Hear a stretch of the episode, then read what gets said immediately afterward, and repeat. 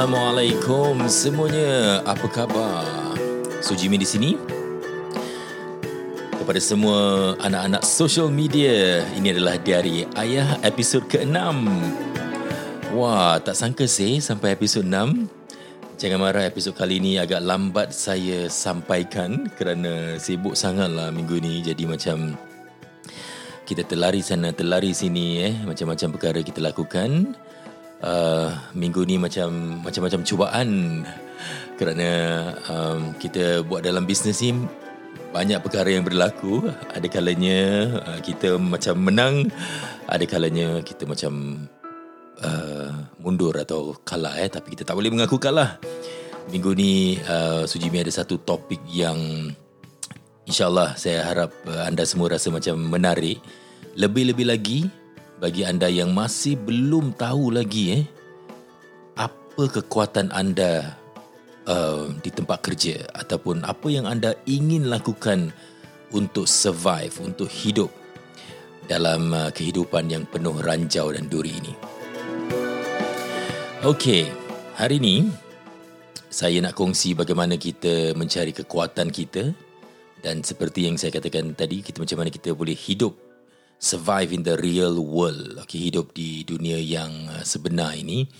Dan uh, malah bila saya bertemu kan dengan uh, ramai anak-anak muda misalnya interns atau mereka yang belum pasti lagi tentang kekuatan mereka uh, dan selalu inilah soalan uh, mereka kepada saya.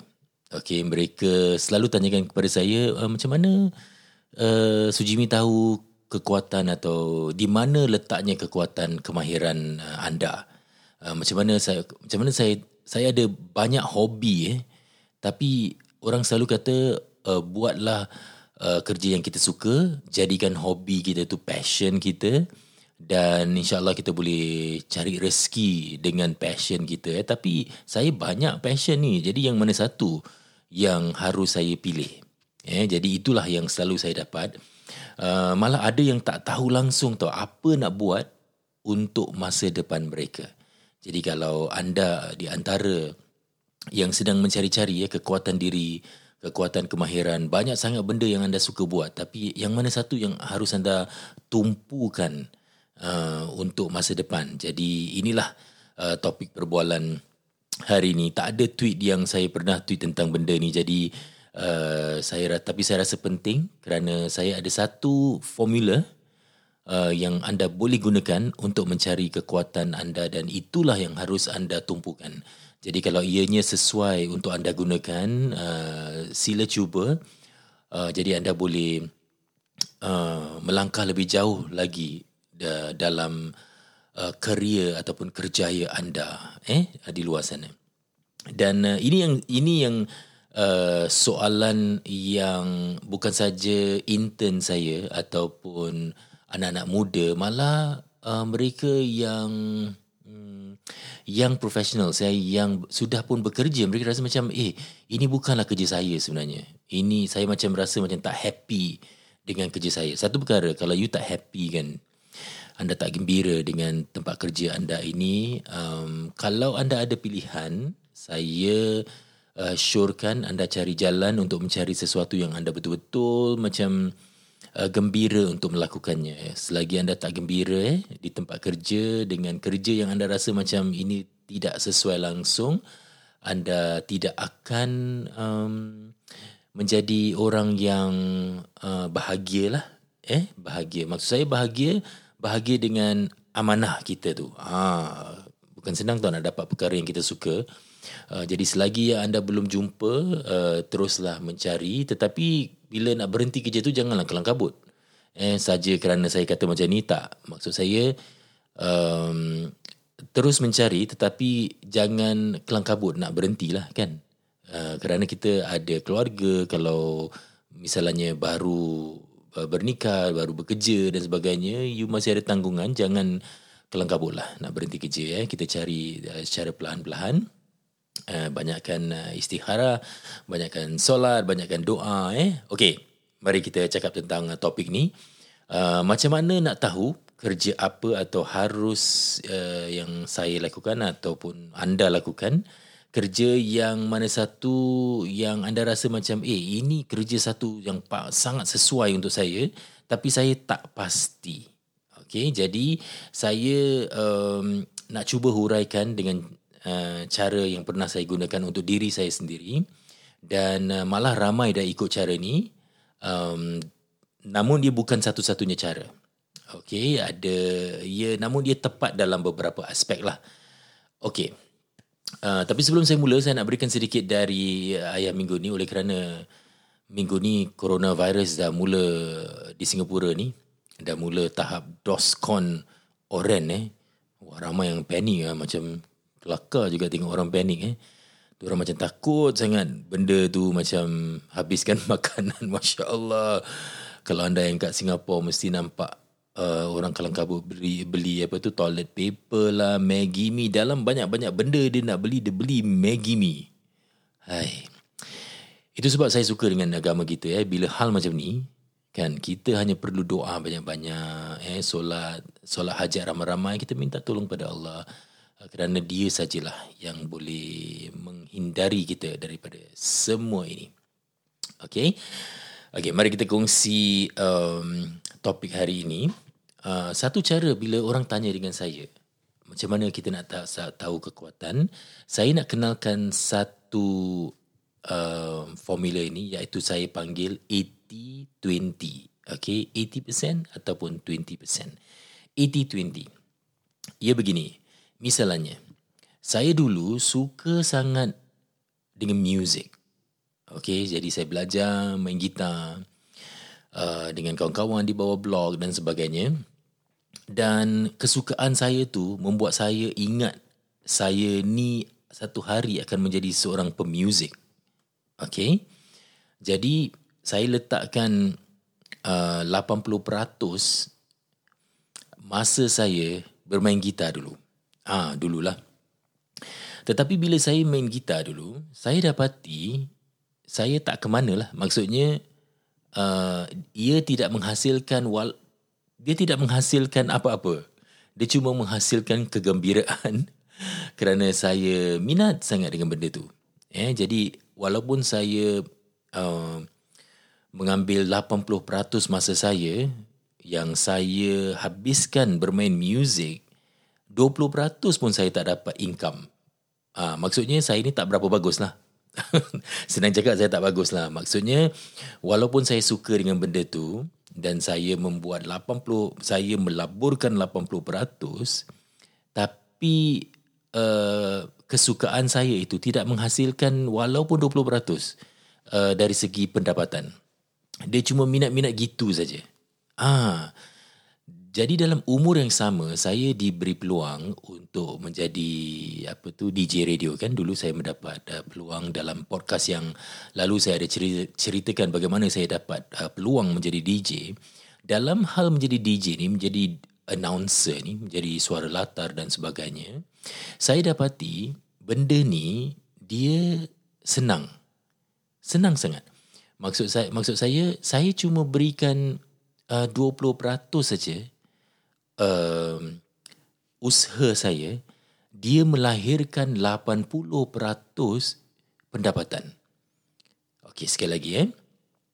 Yang pertama, saya memberikan iaitu music, saya memberikan 80% masa saya tetapi saya tak dapat pun 20% income ataupun pendapatan.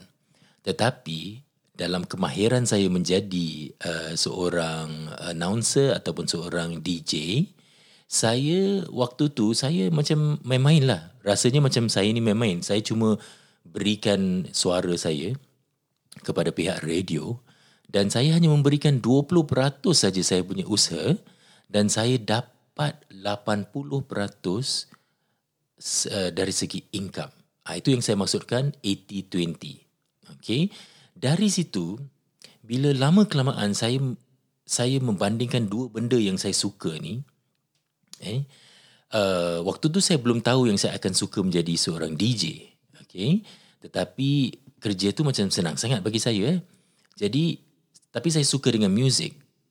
Jadi dengan formula 80-20 ni di mana saya baru tahu um, uh, mungkin satu atau dua tahun selepas saya fikirkan benda ni, saya dapati bahawa benda yang kita suka ni kadangkala tak semestinya menjadi uh, bahan mata pencarian kita.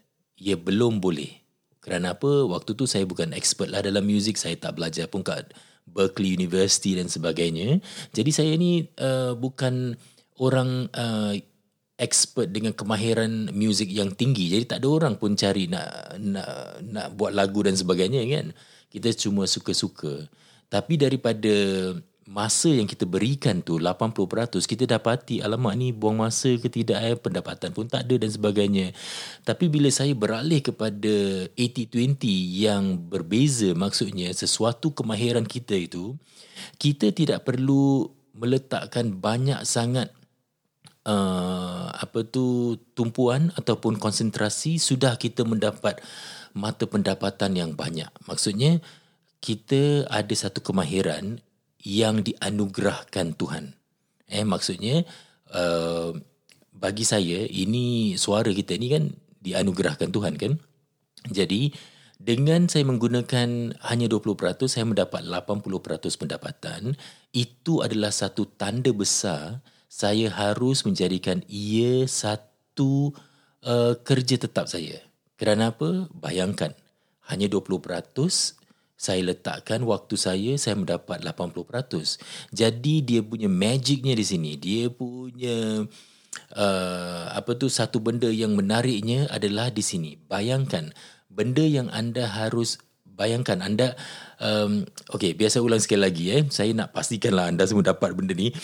Bayangkan anda hanya per, anda hanya memberikan 20%, anda sudah boleh mendapatkan 80% kalau anda berikan 100% kepada kemahiran yang anda betul-betul bagus, ia menjadi sesuatu yang sangat-sangat besar. Jadi itu yang saya lakukan. Bila saya dapat tahu yang di situlah kemahiran saya, iaitu buat voiceover dan sebagainya, maksudnya di bidang media, saya tidak lagi memberikan dia 20%. Saya katakan kepada diri saya, kalau begitu, kalau inilah anugerah yang uh, sudah diberikan kepada saya, kemahiran ini, apa kata saya berikan 100%? Kalau 20% boleh menghasilkan 80% income, eh, 20% usaha melahirkan 80% income, apa kata kita berikan 100% usaha kita? Tidak ke 80% itu menjadi beribu-ribu peratus lah. Kerana apa dia punya pergandaan itu akan menjadi lebih banyak lagi bila, bila kita memberikan tumpuan. Saya berikan satu contoh lagi. Saya ada seorang intern. Bila dia masuk dalam syarikat saya, dia katakan, ah, bos, saya suka menjadi seorang penolong penerbit. Kerana saya nak atur logistik, saya suka bertemu dengan orang, saya suka apa tu bercakap dengan artis saya nak saya nak jadi penolong penerbit ni jadi saya nak dapat lakukan semua ni lah eh jadi saya kata okey kalau begitu saya kasih peluang anda jadilah penolong penerbit dan lakukan semua benda tu eh namun bila dah sebulan saya tanya dia kembali macam mana dengan uh, keadaan awak dia cakap bos saya tak dapat lakukan kerja ni bagi saya macam susah sangat uh, rupanya dia bukanlah seorang yang mahir um, berkomunikasi dengan orang lain. Jadi dia uh, walaupun diletakkan 100% masanya, diletakkan misalnya 80%, dia tidak dapat menghasilkan kejayaan yang walaupun 20% pun dia tak dapat hasilkan. Dia, let, dia cuba letakkan 80%, mungkin yang hasilnya uh, 20% atau lebih sedikit. Jadi bagi dia macam susah nak kerja ni. Saya tanya kenapa? Oh, saya tak pandai lah berkomunikasi dengan orang tu. Jadi, dan dia tak boleh melakukan kerja penolong penerbit tu. Jadi saya kata dengan dia, okay, apa kata saya tukar kerja awak? Saya kata, um, you nak cuba uh, editing tak? You nak cuba, cuba penyunting, eh, jadi penyunting video, eh, editing. Jadi cakap, okay, saya cuba. Tapi bila dia buat editing, Masya Allah, dia dia punya kejayaan dalam editing tu sangat menyerlah sekali. Kerana dia rupanya orang teknikal. orang yang tak biasa berbual dengan orang lain, yang tidak biasa berdepan dengan orang ramai, tidak pandai mendekati orang lain, dia lebih suka kerja menyendiri dan dia pandai dalam hal-hal teknikal. Dalam sebulan itu, tanpa memerlukan banyak usaha, dia menjadi seorang editor yang sangat baik. Bayangkan, dia hanya dia hanya uh, mengusaha selama 20%, apa yang dihasilkan tu dari segi editing uh, melebihi 80% ataupun 80% dan lebih. Eh, jadi itu adalah 80-20 dia. Jadi saya bilang dengan dia, awak awak perhatikan sesuatu tak? Sebenarnya anda diberikan satu uh, anugerah di mana anda punya 80-20 itu terletak di editing. Bukan perkara yang anda rasa anda suka. Kadang-kadang kita bingung tu. Kita ingat kita suka sesuatu. Tapi bila kita cuba, ia mengambil masa yang banyak tetapi tidak menghasilkan apa-apa. Jadi bila dari bila dia dapat 80-20 tu dia sedar ya ah eh editing ni saya rasa macam senang sangat. Saya rasa memang betul. Bagi awak senang eh tapi bagi orang lain susah. Anda bayangkan uh, saya beri, saya beritahu dengan dia, anda baru melihat editing ni senang sangat. Anda letak 20% je dah dah menjadi 80% eh. Anda bayangkan kalau anda letakkan 100% usaha anda dalam editing ini anda akan menjadi satu uh, seorang pakar yang sangat baik dalam kemahiran ini. Jadi sampai hari ini uh, saya haraplah kerana apa dia dah tidak ada lagi dalam syarikat saya dia dah keluar dah graduate dan sebagainya saya harap dia masih menjadi seorang editor lah kerana benda tu senang sangat bagi dia. Pernah tak anda rasa macam ya eh, benda ni sangat senang sangat je bagi saya tapi uh, dia menghasilkan sesuatu yang uh, apa tu sangat uh, banyaklah misalnya kalau anda diberikan satu kemahiran dianugerahkan satu kemahiran yang sangat bagi anda macam tak ada apa-apa eh misalnya main bola bagi anda macam eh senang sangat benda ni eh sekali anda buat all the way kan Uh, mencari coach dan sebagainya uh, join uh, menyertai national team dan sebagainya anda menjadi dia menghasilkan sesuatu yang lebih banyak uh, menyanyi uh, ataupun uh, melukis. Ini adalah satu kemahiran di mana ia uh, dengan terang-terangan kita nampak sebagai satu anugerah. Dan kalau kita memberinya 100%, ia akan menghasilkan dengan sesuatu yang uh, sangat terhasil lah. Jadi bagi anda yang di antara uh, satu kerja dengan yang lain dan anda sedang membandingkan eh kerja ni ke kerja tu, apa kata anda mendekatinya dengan 80-20 formula? Maksudnya, kerja yang mana yang anda harus memberikan 80% namun hasilnya hanya 20%. Itu mungkin bukanlah sesuatu yang harus anda tumpukan kerana susah sangat nak buat benda tu tapi hasilnya sedikit. Kan? apa kata mencari sesuatu yang anda rasa anda boleh buat dengan mudah sangat dan hasilnya lebih banyak. Mungkin itu yang harus anda uh, timbangkan sebagai satu kerjaya dan menukar dan mengejar benda itu. Kerana apa? Bagi saya sekarang, oleh kerana saya mengejar media, saya memberi 100% masa saya dalam perkara yang bagi saya senang sangat dan menghasilkan sesuatu yang Alhamdulillah eh, yang uh, boleh tahan. Eh. Saya hari ini masih boleh mengejar hobi saya lah iaitu muzik lah. Uh, muzik saya tidak menjadikan satu mata pencarian tapi saya melakukannya secara santai. Uh, jadi kerana dia tidak menghasilkan apa-apa, uh, saya dapat uh, masih dapat menikmatinya. Uh, jadi itu itulah uh, 80-20 rule ataupun formula yang saya uh, rasa anda boleh gunakan. Kalau anda masih mencari-cari, cubalah. Okey. Uh, kalau anda sudah cuba dan dia berjaya, sila uh, tulis kepada Sujimi. Ataupun anda pernah um, menemunya dan anda sendiri uh, terhasil mencubanya. Jadi tulis kepada Sujimi di sujimimuhammad at gmail.com.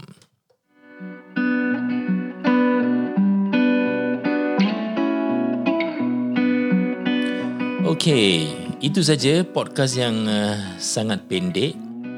Uh, Sujimi nak mulakan uh, temu ramah uh, dengan beberapa orang ayah ni. Saya sedang mengaturnya. Jadi insyaAllah Oleh kerana okas yang lalu Sujimi bertemu dengan uh, brother Syahib kita dan uh, rasanya macam seronok ada orang yang saya undang dalam podcast jadi uh, saya nak cubalah jemput yang lain insyaallah kita dapat bertemu dengan uh, uh, ayah yang ada macam-macam diary kita boleh uh, belajar daripada mereka mana tahu jadi seperti biasa Sujimi ingin tinggalkan anda dengan satu tweet yang ada kena mengena dengan kerjaya atau kerja. Uh, tweet ini Sujimi tulis dalam bulan Ogos tahun 2018 dan dia mempunyai 4000 retweets. Uh, ia berbunyi begini. Anakku, bila bekerja jangan mengira nak. Kalau kerja lebih lalu bos tak nampak, tak bermakna usaha kita tercampak. Tuhan tak lokit, nanti rezeki kita dapat balik. Daripada sumber yang tak disangka kerana rezeki luas maknanya. Kita dapat apa yang diniatkan. Kotakan apa yang sudah dijanjikan. InsyaAllah kita jumpa lagi. Assalamualaikum.